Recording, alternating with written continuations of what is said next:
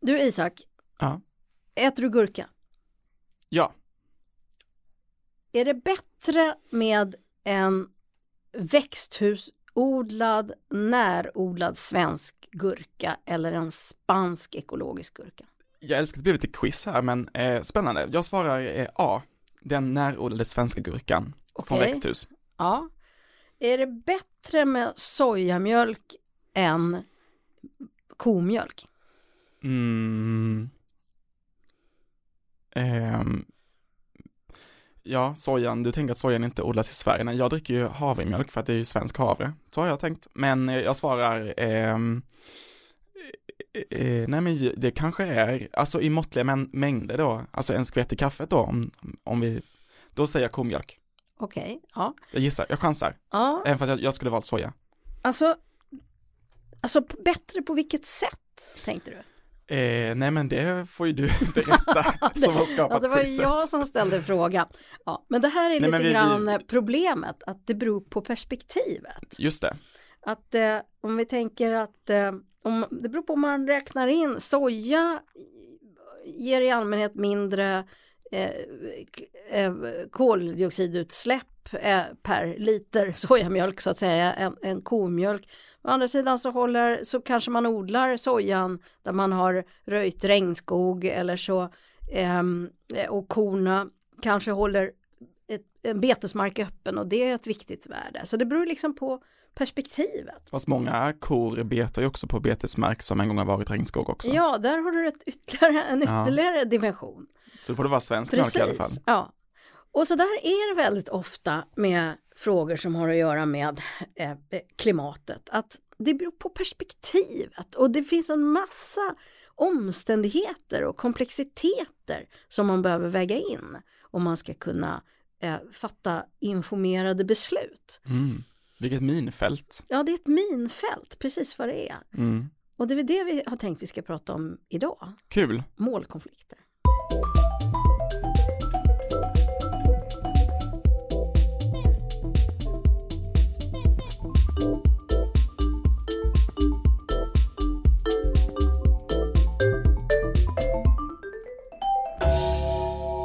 Hjärtligt välkomna till ett nytt avsnitt av Klimatgap med mig Isak Janhäll och rollen som forskare spelas ännu en gång av Maria Wollratz Söderberg mitt emot mig här. Hej Maria! Hej Isak! Vi ska prata om målkonflikter idag, vad spännande! Och du började direkt att utmana mig i ett litet quiz och ännu en gång då har du lyckats hänga ut mig i den här podden som eh, en dålig människa som har fel svar på, Ja, på de av- stora frågorna. Det är en del av tillfredsställelsen Ja, just det. förstås, i de här samtalen. Forskaren versus lekmannen här som Ja. försöker lära sig så mycket det går. Ja. Nej, vi ska prata om målkonflikter eftersom det är en, en viktig förklaringsmodell för eh, när vi ska försöka begripa så här att omställningen är så trög. Vi vet väldigt mycket och vi vet att vi måste agera och så går det ändå så förbaskat långsamt. Och då är det många som forskare eh, som delar den här hypotesen att ett av skälen till att det går så himla trögt är att det, fin- att det finns så många eh, Motsättningar. motsättningar och, och konflikter mellan perspektiv. Och ibland talar man om klimatfrågan som ett wicked problem, Mm. ett elakt problem. Usch då. Ja, och med, med den termen så brukar man eh, mena problem som är liksom sprängfyllda med målkonflikter. Som är perspektivberoende.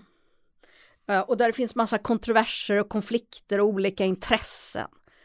Och det kanske, där det, kan, där det, där det inte bara räcker med kunskap utan det liksom finns moraliska dimensioner. Mm. Eh, liksom, vad är rättvisa? Vad, vad är bra? Eh, vilken de, del av naturen är viktig? Eh, eh, och, och så vidare. Och där kanske det också eh, det, det är problem som är oavgränsade. Det finns liksom inget början och inget slut. Nej. Och det är väl inte riktigt någon som har svaren heller på de här frågorna Mm. Och du ställde ingen mig. har, man kanske Nej. har delsvar och man vet vissa saker säkert. Andra saker vet man att vi vet att det kommer äh, temperaturhöjning, att växthusgasutsläppen kommer att leda till eh, temperaturhöjningar och med all sannolikhet också stor, större variationer i, i väder och så vidare. Just det. Eh, och, och, och, så vi vet att det finns stora risker, men exakt hur stora, hur snabbt det kommer gå, det är ganska svårt att, att veta.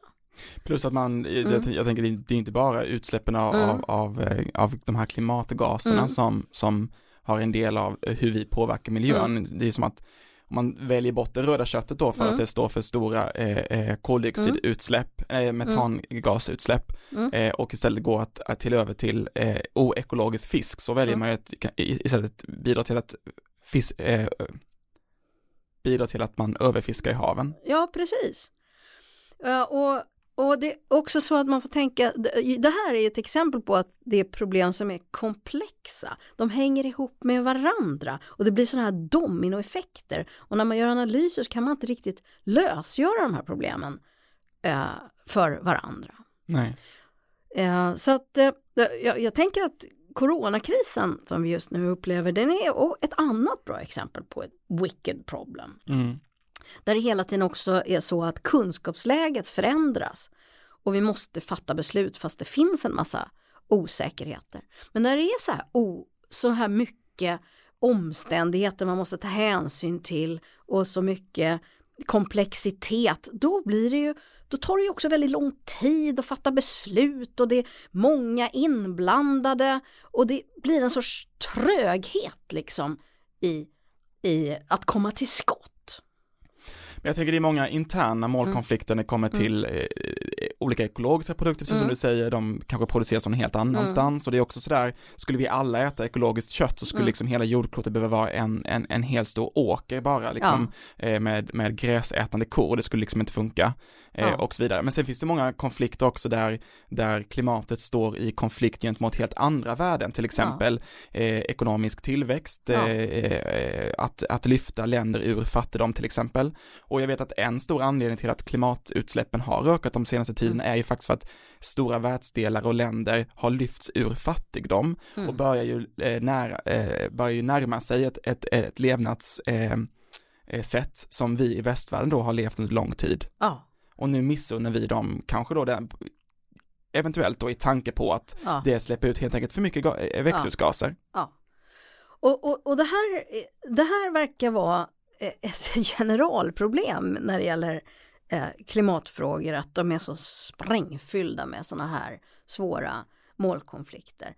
Å ena sidan så, bestäm, så, så kämpar vi för att leva upp till klimatmålen, men å andra sidan så har vi mål om tillväxt. Eh, och vi vet att det finns starka spänningar mellan de här mm. två olika målen. Eller ta till exempel nu coronakrisen. Nu ser man faktiskt att eh, utsläppen av koldioxid minskar och inte minst utsläppen av sotpartiklar och annat så att det har blivit liksom klarare luft och så. Eh, och det är ju jättepositiva värden, men det är ju inte så här vi vill leva. Eh, och och, och uh, i ett samhälle där det stannar av och där eh, massa människor blir arbetslösa och, och så vidare. Så det här är ju supersvårt. Det är ingen hållbar utveckling helt enkelt. Nej. Nej. Och, när, man, när man inser att det är så här komplext och finns sådana här målkonflikter, då kan man ju, kan ju finnas en annan typ av tröghet som handlar om passivitet, alltså, eller vanmäktighet kanske man kan säga. Man blir modlös över känslan av att ja, men hur man än väljer så blir det fel. Mm. Vart man än vänder sig har man rumpan bak. Och, mm. och, och det, det kan ju få en att känna, men det är ingen idé liksom. Nej, Bättre om man lägger sig ner och, och dör. Ja. ja. Ja. Det enda jag skulle kunna göra är liksom att sluta andas. Mm. För vad jag än väljer så blir det tokigt. Och då, då, kan, man ju, då kan man ju tappa liksom geisten såklart. Men kan man inte komma runt mm. de här grejerna? Jag tänker mm. om, om de här eh, växthusen som, som odlar de eh, närodlade gurkorna, kan inte mm. de driva sina växthus med grön energi till mm. exempel? Man kan säga att det finns eh, Alltså, men kan, kan man inte lösa, liksom gå in och, och pinpoint och lösa liksom de här konflikterna, då, då har man löst den konflikten och helt plötsligt är ju definitivt då den svenska gurkan bättre. Ja, och då, då är det ju så att i vissa fall så är det så att att anledningen till att vi upplever något som en målkonflikt är att vi faktiskt inte vet bättre. I, I vissa fall så kan man faktiskt räkna ut vilken gurka är, är bäst och då får mm. man ju mm. välja vilka parametrar som är viktiga. Han, är det viktigast att man inte använder pesticider? Är det viktigast att det är låga koldioxid, koldioxidutsläpp och så vidare. Så, så, så kan man ju tänka. Men sen, och sen kan man ju också lösa vissa problemen genom uppfinningsrikedom eller tekniska lösningar. Mm. Eh, och så har man ju jobbat väldigt mycket för att lösa målkonflikter eh, hittills. Eh, och, och det går med en del frågor eh, så Mm. går det väldigt bra. Men med andra frågor så upplever jag det nästan att det blir som en sorts alibi för att inte göra något åt de verkliga problemen. Ta till exempel det här med ehm, eh, biobränslen. Det är ju någonting som man gärna vill ha för, istället för fossila bränslen och det låter ju vettigt. Och, eh, men tittar man på debatten så, och den politiska, det politiska samtalet så är det väldigt många problem som ska lösas med de här biobränslena. Mm.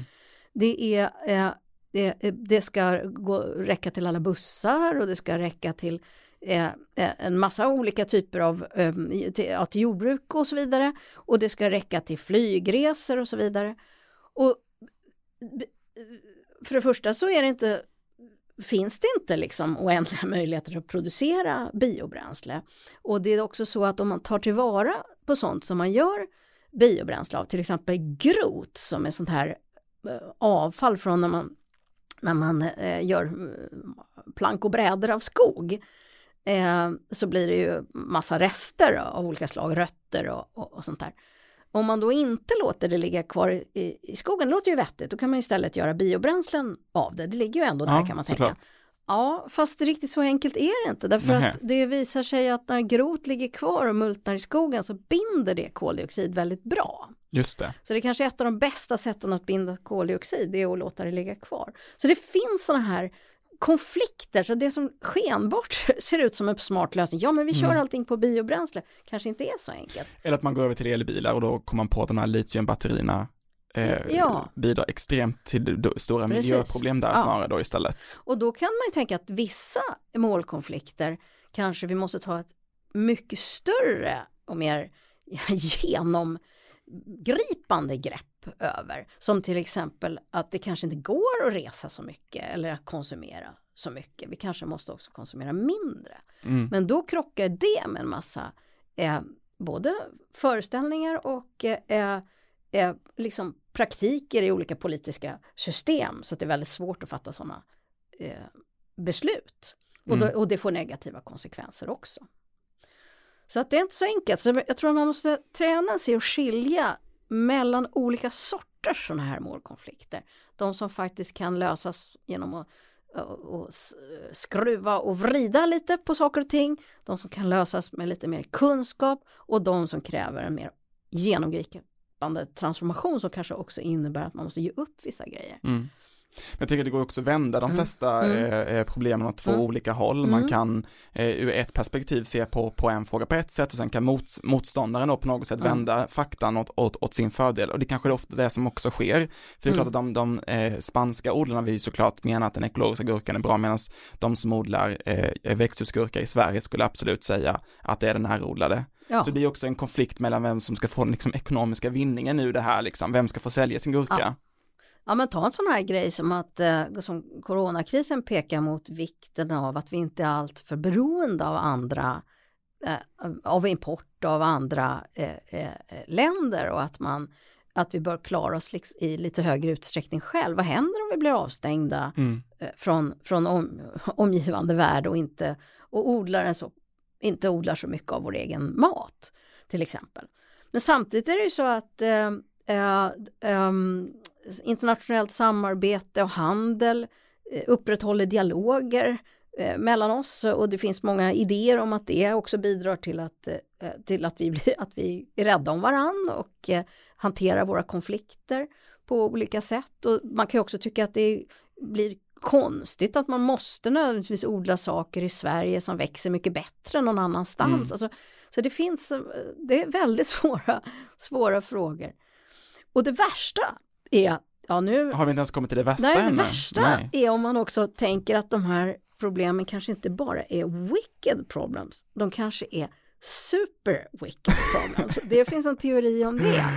Att utöver Det alla alltså de här, värre. nej inte riktigt det, Wicked men är att, liksom inte det värsta. men att klimatfrågan har en särskilt wicked karaktär, en super wicked karaktär. Ja, Nämligen, den karaktäriseras inte bara av den här komplexiteten och mångperspektiviteten utan också på att tiden håller på att rinna ut. Det är bråttom. Ja just det ja, mm, det är lite i Och att det inte finns någon, det finns ingen ansvarig, Nej. ingen central auktoritet. Alla måste. Och eh, det är också så att sådana super wicked problems, där är det också så att de som försöker lösa problemet är de som orsakar det. Alltså det är, Mhm. det är de som mest möjlighet att lösa problemet till exempel är ju de som har stora utsläpp. Mm, ja såklart. Eh, och det är också så att de strategier som man har haft för att lösa, lösa problem som kanske har orsakat att det har blivit så här, det är också de vi har tillgång till för att försöka lösa det. Alltså så att det finns ett, ett, ett jäkla problem där. Eh, och, eh, och, och sen är ett till karaktärsdrag för den här super wicked problems är att de normala politiken vi har för att, att hantera sånt här, som till exempel eh, karaktäriseras av att politikerna har tre år på sig eller fyra år beroende på hur lång period de har i, i sitt ämbete. Det är för kort tid för att liksom tänka långsiktigt. Så det tvingar en att tänka kortsiktigt. Eh, Mm. och det blir väldigt olyckligt med den här typen av problem. Det här är en ganska deprimerande bild förstås. Eh, Ja, lite. Hur kommer vi ur det här? Men jag måste säga att jag älskar termen super wicked. Det känns som en liten eh, Ja. efterskapt eh, term när man Ja. insåg att, att eh, klimatproblemet är mycket, mycket större än, än de andra wicked problems. Precis så tror jag att det var. Ja, Ja. och så tänkte man vilket så här, superlativ ska vi använda för att, för att eh, få det här att låta riktigt allvarligt. Vi tar super. Ja. Man, kan ju, man kan ju gripas av hopplöshet. Hur, Lätt, känner, hur känner du när du hör eh, de här nej, men Jag grejerna? känner så här att jag liksom pallar inte eh, vilken gurka jag ska köpa. Nej. Nej, och jag funderar, okej om man nu eh, om man nu inser att det här är förbaskat svårt och komplext och stort, alltså vad ska man göra som människa för att navigera i det här eh, svåra eh, super-wicked-träsket? Ja. Har du, har du de svaren idag? Nej, det kan jag inte säga att jag har, men, men jag tänker att det är några grejer i alla fall man kan tänka på. Jag funderar till exempel, jag har, mycket, jag har, mycket, jag har funderat mycket på hur, hur utbildningssystemet ehm, eh, kan stödja vår, vår eh, vad ska man säga, vår, ja, vår kompetens för att hantera den här typen av Mhm. av, av frågor. Eh, jag tänker så här att, att eh, eh, he, hela vår civilisation sen upplysningen har ju fokuserat mycket på ja, men, att få fram fakta, att jobba med ett problem i taget, att avgränsa vetande från känslor och värderingar, att formulera regler och så vidare. Men de verktygen verkar, de räcker inte till Nej. när det gäller den här typen av stora frågor. De behövs, men de räcker inte hela vägen. Vi måste ha några super tools. Ja, det vore ju fantastiskt om det fanns några supertools och ibland så kommer det ju idéer om att ja, men AI ska lösa det här problemet. Till Just det, så Ja. skönt. Ja. Men jag tror att vi, även vi vanliga eh, individer som du och jag också måste agera. Eh, eh, på, på, på olika sätt. Nej, jag tänker att en grej är ju att, när man, att det faktiskt är väldigt viktigt att förstå den här komplexiteten och vi kan Mm. kanske inte förstå precis alla sambanden och alla människor kan inte göra Nej. jättedetaljerade analyser av allting men att vi förstår det är så här, att det är så här komplext därför att ofta i debatten så blir man förbannad på politiker som gör grejer som man tycker är jobbigt. Om man tar till exempel Ja, och om, om, om vi nu höjer bensinskatten, det kommer med all sannolikhet leda till lite mindre växthusgasutsläpp. Ja, men då får ju folk det jobbigt som eh, får högre kostnader och särskilt svårt blir det på landsbygden och så Såklart. vidare. Och då blir man ju förbannad Ja, och tycker att eh, de här politikerna bryr sig, bryr sig inte om oss. nej. Och så är det egentligen med nästan alla beslut som politiker fattar. Vi gillar inte när de fattar beslut som är jobbiga för oss. Eh, Men, det, men här tror jag man som individ får börja fundera över vilket samhälle vad man, man vill ha och, och, och vara medveten om att det finns ingen politiker som kan ge alla allt. Samtidigt. Som kan uppfylla precis alla våra drömmar. Utan vi Ett måste... minfält även för politikerna. Ja, det är verkligen ett minfält för politikerna, men det blir det också för oss. För att då blir det ju så kanske att vi inte röstar i enlighet med de långsiktiga behoven utan vi röstar i enlighet med de kortsiktiga och så tycker vi politikerna är dumma som inte kan lösa alla mm. de här eh, problemen och varför har de inte tänkt på det och de kan ju inte dra ner på det och de kan inte dra ner på det och de kan inte dra ner på det. Men det går inte politiskt att ge alla allt. Nej. Och det här tror jag vi är, vi är på något sätt blivit eh, invaggade i idén om att, det, att politiken skulle kunna göra det. Eh, ge oss svaren. Ja, ge oss svaren och ge oss lösningar mm. som förenar alla behov och inte behöv, som inte innebär att vi behöver göra några uppoffringar. Men jag tänker en, mm. en viktig grej kanske att man när man står i butiken om man, om man mm. återvänder till den här gurkan igen då, att, mm. att man, en viktig start kan ju vara att man i alla mm. fall reflekterar över det. Ja. För det är ju ett första liksom, en, en, en, en ingång till eh, eh, rätt typ av tänk. Att okej, okay, den ekologiska gurkan, vad finns det för problem med den? Den närodlade, vad ja. kan det finnas för eh, eh, problem med den. Sen oavsett vad man väljer så, så eh, båda två eh, har en viss negativ påverkan och, och båda två har en viss positiv påverkan. Ja. Men att man överhuvudtaget tänker rätt termer ja. rörande eh, frakt och, och, och växthus eh, odling och så vidare gör att man liksom tar en, ett steg in i ett tänk som sen gynnar dig när det kommer till liksom, kanske lite större problem än gurkan. Ja.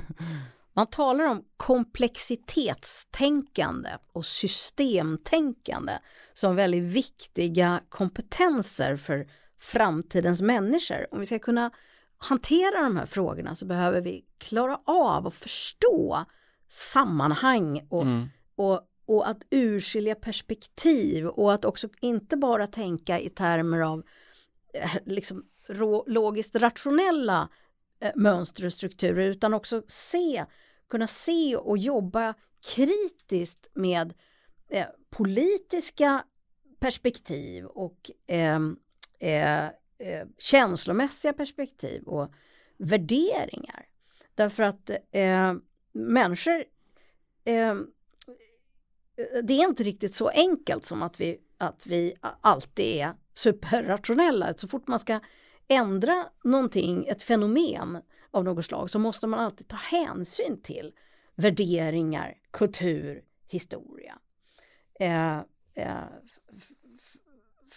för att eh, annars kommer man inte kunna prata med varandra, de inblandade parterna, på ett sådant sätt så att man kommer förbi liksom, eh, konflikten.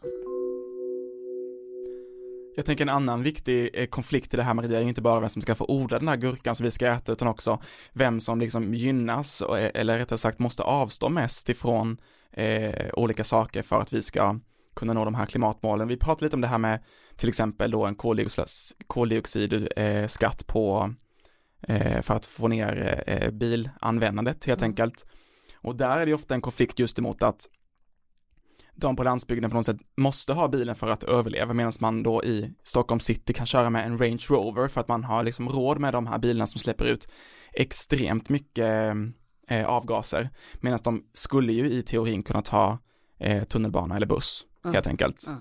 Och jag tänker på samma sätt om man lyfter det perspektivet till hela liksom eh, klotet så, så som vi också var inne på så är det ju stora delar av världen som just nu lyfts ur fattigdom och deras användande av eh, bilar till exempel, växthusgaser eh, och sin tur också då olja och köttkonsumtion och så vidare mm. ökar hela tiden vilket gör då att de har också blivit stora utsläppare mm. och de i de här länderna är ofta väldigt, väldigt många i de här mm. före detta u-länderna liksom som, som är på framgång nu.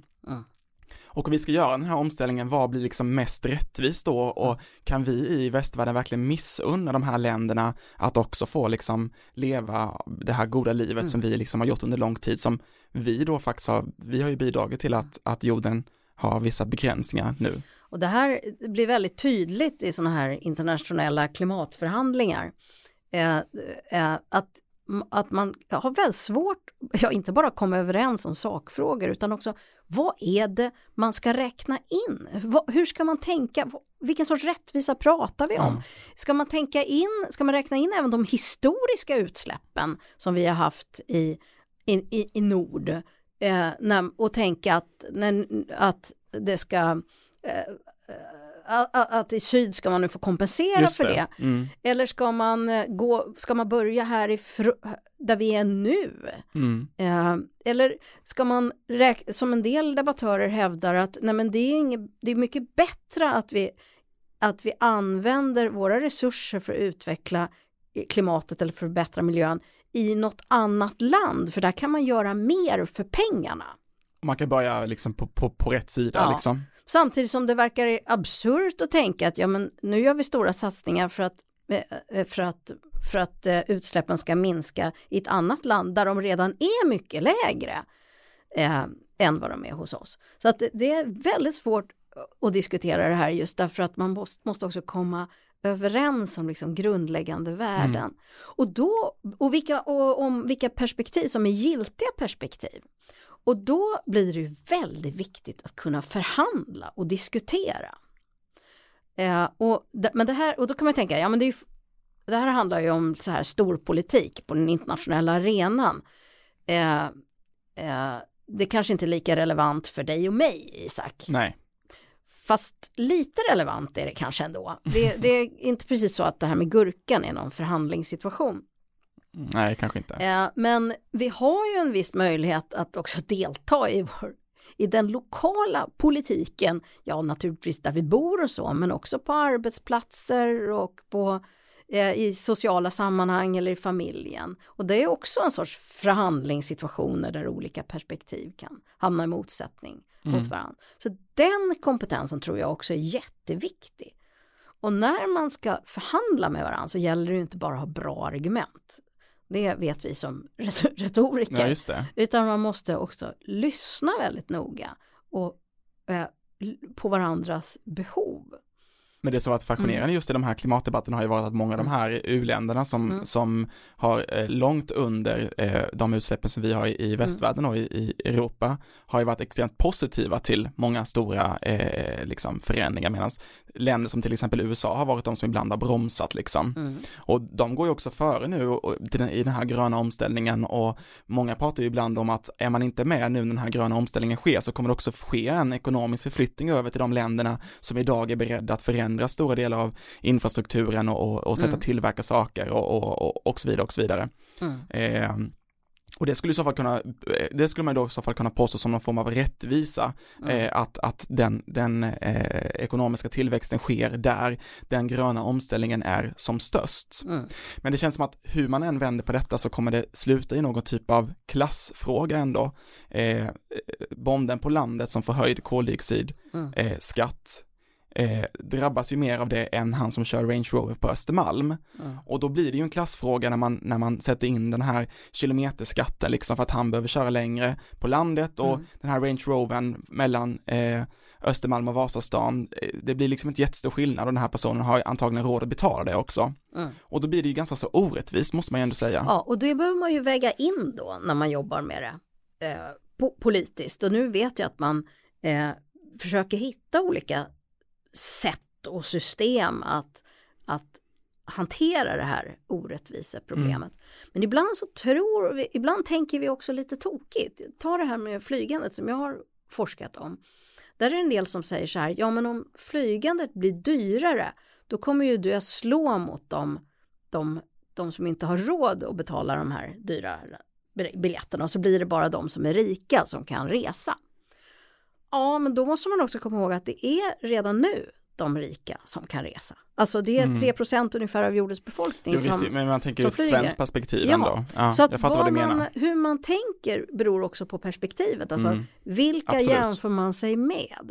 Men det men- finns ju andra sätt att angripa Ja. problem, tänker man kan ju också Mm. bara förbjuda Range Rovers Ja, istället för att öka koldioxidskatten på bensinen. Jo, Så ja. kan man ju säga att den här bilen som drar så här mycket helt enkelt olaglig i Sverige att köra. Och då är det ju ingen bonde på landet som skulle bli av med sin Range Rover, utan det är ju han som antagligen har råd att, att välja en kanske elbil istället då. Fast då hade vi problemet med litiumbatterierna, så skit. ja, jag vet inte. Det här är, är, är, det här är en ingenjörskonst som jag tycker är jättesvår. Ja. Eh, Men eh, det vi behöver vara medvetna om är kanske framförallt att det här är så här, att det är så här komplext. ja. Och det, för det pekar jag också mot att dels man måste utbilda sig. Mm. Vi behöver läsa på, lära oss. Och eh, dels att vi måste kanske ha modet och även disciplinen att eh, acceptera att vissa saker kanske måste bli sämre för att de ska kunna bli bättre.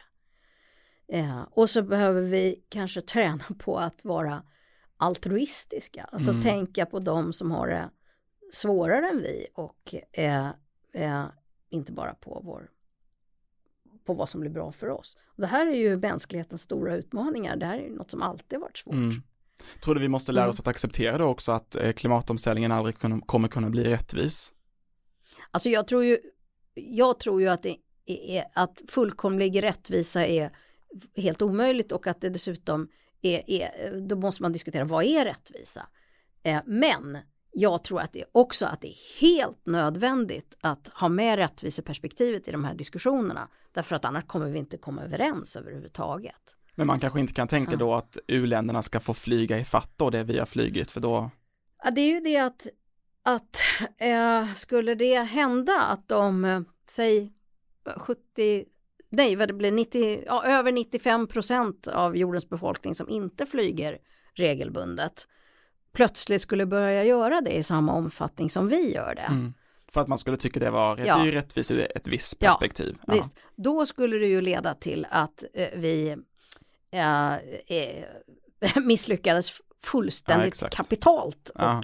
totalt med alla klimat, allt vad klimatmål heter. Mm. Ehm, eh, så det går ju inte. Eh, men samtidigt verkar det ju orimligt att tänka att, att eh, de som aldrig har flugit förut är de som ska fortsätta aldrig göra det medan vi ska fortsätta precis som vi har gjort förut. Så det här är ju det här är en sån här jobbig tanke som man måste Mm. våga tänka. Och här tror jag faktiskt är, är, är en grej som är viktig när det gäller målkonflikter. Eh, det är att de är så jobbiga att tänka på att vi gärna låter bli. Mm. Vi ägnar oss åt de här frågorna eh, som man lätt kan räkna ut eller som man kan göra någonting åt. De här riktigt svåra frågorna som innebär att man måste omvärdera grejer, transformera sina vanor och ge upp saker och kanske tänka väldigt annorlunda. De här riktigt jobbiga frågorna, de tror jag att vi tenderar att undvika. Vi skjuter dem på framtiden eller eh, eh, ja, lyckas inte riktigt eh, förhandla om dem för att de är så förbaskat svåra. Mm. Det tror jag är riktigt farligt. Det här att det blir ett undvikande beteende.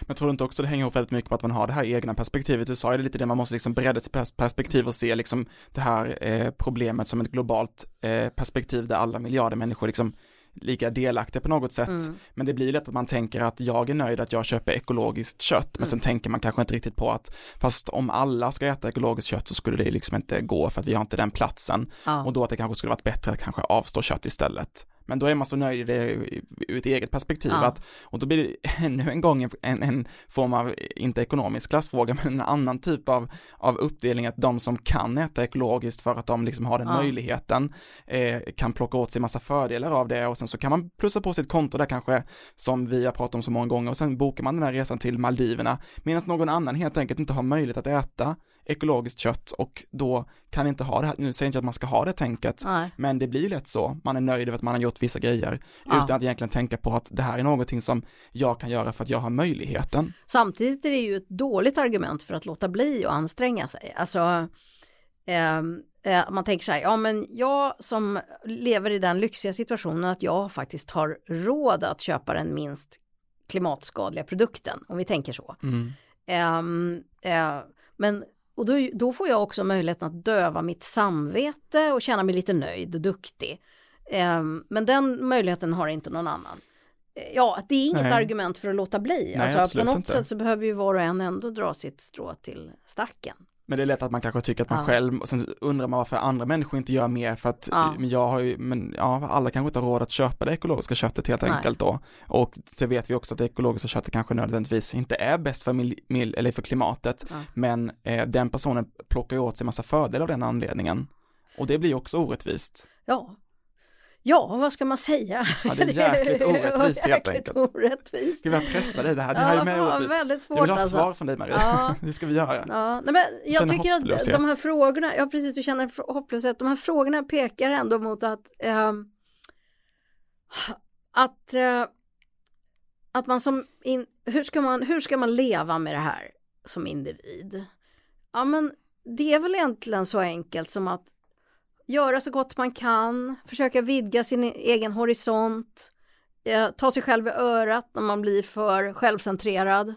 Mm. Eh, läsa på, vara medveten om att politiken är långsiktig, att eh, eh, vara lite modig. Eh, ja, jag vet inte riktigt vad man ska göra mer. Eh, jag tycker ändå att det ger ett visst, en viss känsla av, eh, jag måste säga att ju mer, kunsk, ju mer man ändå sätter sig in i de här frågorna, desto mer känsla av handlings, vad ska man säga, handlingsutrymme tycker jag att jag får. Eh, och, och desto mindre känsla av hopplöshet.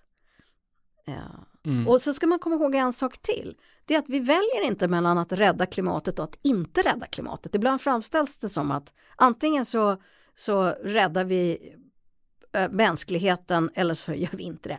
Utan det är en gradfråga. Alltså vi, är, vi, vi vet redan att, det, att eh, temperaturen eh, riskerar att öka, kanske till och med mer än de här två graderna. Vi vet redan att det kommer få svåra konsekvenser, vi vet inte riktigt hur svåra. Men hur eländigt det blir kan vi påverka med varje liten handling vi gör. Ja. Eh, och hur lång tid det tar innan det blir eländigt så att säga. Ja. Eh, så att, eh, så att eh, de enskilda valen, vi har ju pratat om det i tidigare program, att de enskilda valen spelar, spelar stor roll, roll. ja. Men för att kunna göra dem, givet att det är så här komplext ofta, så behöver man vara påläst. Mm. Och vem ska då leverera faktan? För då blir det ju ytterligare en målkonflikt då, Ja. ur vems perspektiv, vad som är bäst. Ja. Och det gäller också att komma, komma ihåg att ibland står klimatnyttan så att säga mot andra miljönyttor. Mm. Så det handlar inte alltid bara om vad som är mest hållbart jämfört med andra mål som, som rättvisa eller välstånd eller någonting. Utan det kan också vara så att något som är bra för ja, insekterna kanske är sämre för, eller, eller för det öppna landskapet eller för något annat värde. Det kan vara sämre för Ja, klimatet exakt. och tvärtom. Och då behöver vi på något vis också acceptera och göra någon sorts gradering av vad som är den mest akuta problematiken. Ja. ja, men som Mm. till exempel att gå över från, från eh, välja bort det röda köttet i, Mm. i, i förmån för den odlade laxen från Norge till Ja, exempel. precis. Som blir då en direkt ganska så allvarlig eh, miljöpåverkan Ja, med de här eh, laxodlingarna Ja. som bidrar till överfiske och så vidare. ja. Men jag tänker också att eh, mig är det en viss tillfredsställelse att jag ändå eh, jag tycker att jag, jag har lärt mig en del saker som, som är, jag tror är väldigt bra för klimatet som, som jag kan ägna mig åt mycket. Jag, eh, jag, idag har jag med mig gröna sojabönor i, i min eh, eh lunchlåda. Vad är de odlade då? Ja, de är ju inte odlade i Sverige och, och det är förmodligen kanske inte så klimatsmart. Men jag tror faktiskt att det är sista gången. För att varför ha, ha, ha, använder jag inte gröna ärtor mer? De odlas i Precis. Sverige i allmänhet, de binder kväve i marken, de minskar behovet av konstgödsel Och de är söta och goda. och de är söta och goda. Och ibland kan det krävas ganska små sådana här medvetande förändringar eller, eller små bitar av kunskap för att man ändå ska kunna göra bättre Mm. val. Eh, Jag hade inte tänkt på det förut, att det spelade roll om jag tog paketet med gröna sojabönor i frysdisken eller de svenska ärtorna. Det låter jätteidiotiskt, varför har jag inte kommit på det? Men, eh, men eh, då blir jag ganska förtjust över att, att tänkt, men vad dum jag är, det är klart att jag alltid ska göra det. Mm. Ehm, och det, det där är naturligtvis bara en liten skitsak, men, Ja, fast det är men eh, skitsaker många sådana kan skitsaker grejer. kan ju, Precis. utgör ju hela ens konsumtion. Ja. Mm. om man nu ska göra den här vandringen då, som är den gröna omställningen över det här minfältet då, fyllt av, av fel man kan göra, eh, eh, fel val och, och, och, fel tänk. Vad är de liksom viktigaste grejerna man, man behöver tänka på? Ja, ja men läsa på. Jag tror en viktig grej, det tror jag, jag hoppas att vi kommer att prata om i ett annat program, det är, är att läsa på lite grann om proportioner, alltså om olika vals konsekvenser, för där vet vi att det finns väldigt mycket olika missförstånd eh, om hur stor påverkan olika saker som man gör i sitt liv har. Om man vet lite mer om vilka val som faktiskt har en mindre klimatpåverkan än andra. Eh, till exempel att bra. en vegetarisk dag i veckan står inte i proportion till att flyga en gång till ja, Thailand till, till exempel. exempel. Ja. ja. Så där är väl en grej man kan göra som individ. Men så tänker jag också eftersom vi inte bara gör individuella val, vi är också medborgare. Då tror jag att det är väldigt viktigt att, eh, att vara medveten om komplexiteten mm. i de här frågorna. För det framstår vid första påståendet ofta som så enkelt liksom. Eh, och, och, så, och så är det inte riktigt det. Men om man förstår komplexiteten då kan man kanske också ha lite mer tolerans eller fördragsamhet för att allting inte kan lösas som man vill på en gång. Nej. Eh, och, och då kanske man kan tänka lite mer långsiktigt. Och jag tänker att välja överhuvudtaget är väldigt positivt, att, att tänka i termer kring varför tar jag just den här produkten och inte den här ersättningsprodukten eller den här, det här alternativet. Eh, och prata med andra om det. Hur tänker ni när ni väljer gurka och så vidare?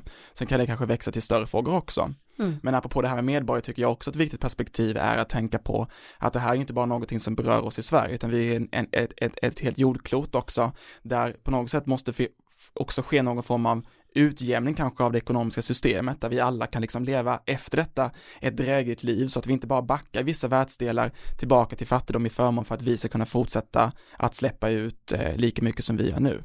Mm. Jag tror att eh, om vi inte själva tar initiativ för att göra det här på ett, ett, eh, ett klokt sätt, då kommer det att ske ändå, men det kommer göra ont. Mm. Och det vill vi inte. Nej, det hoppas jag verkligen att vi ska ja. klara av.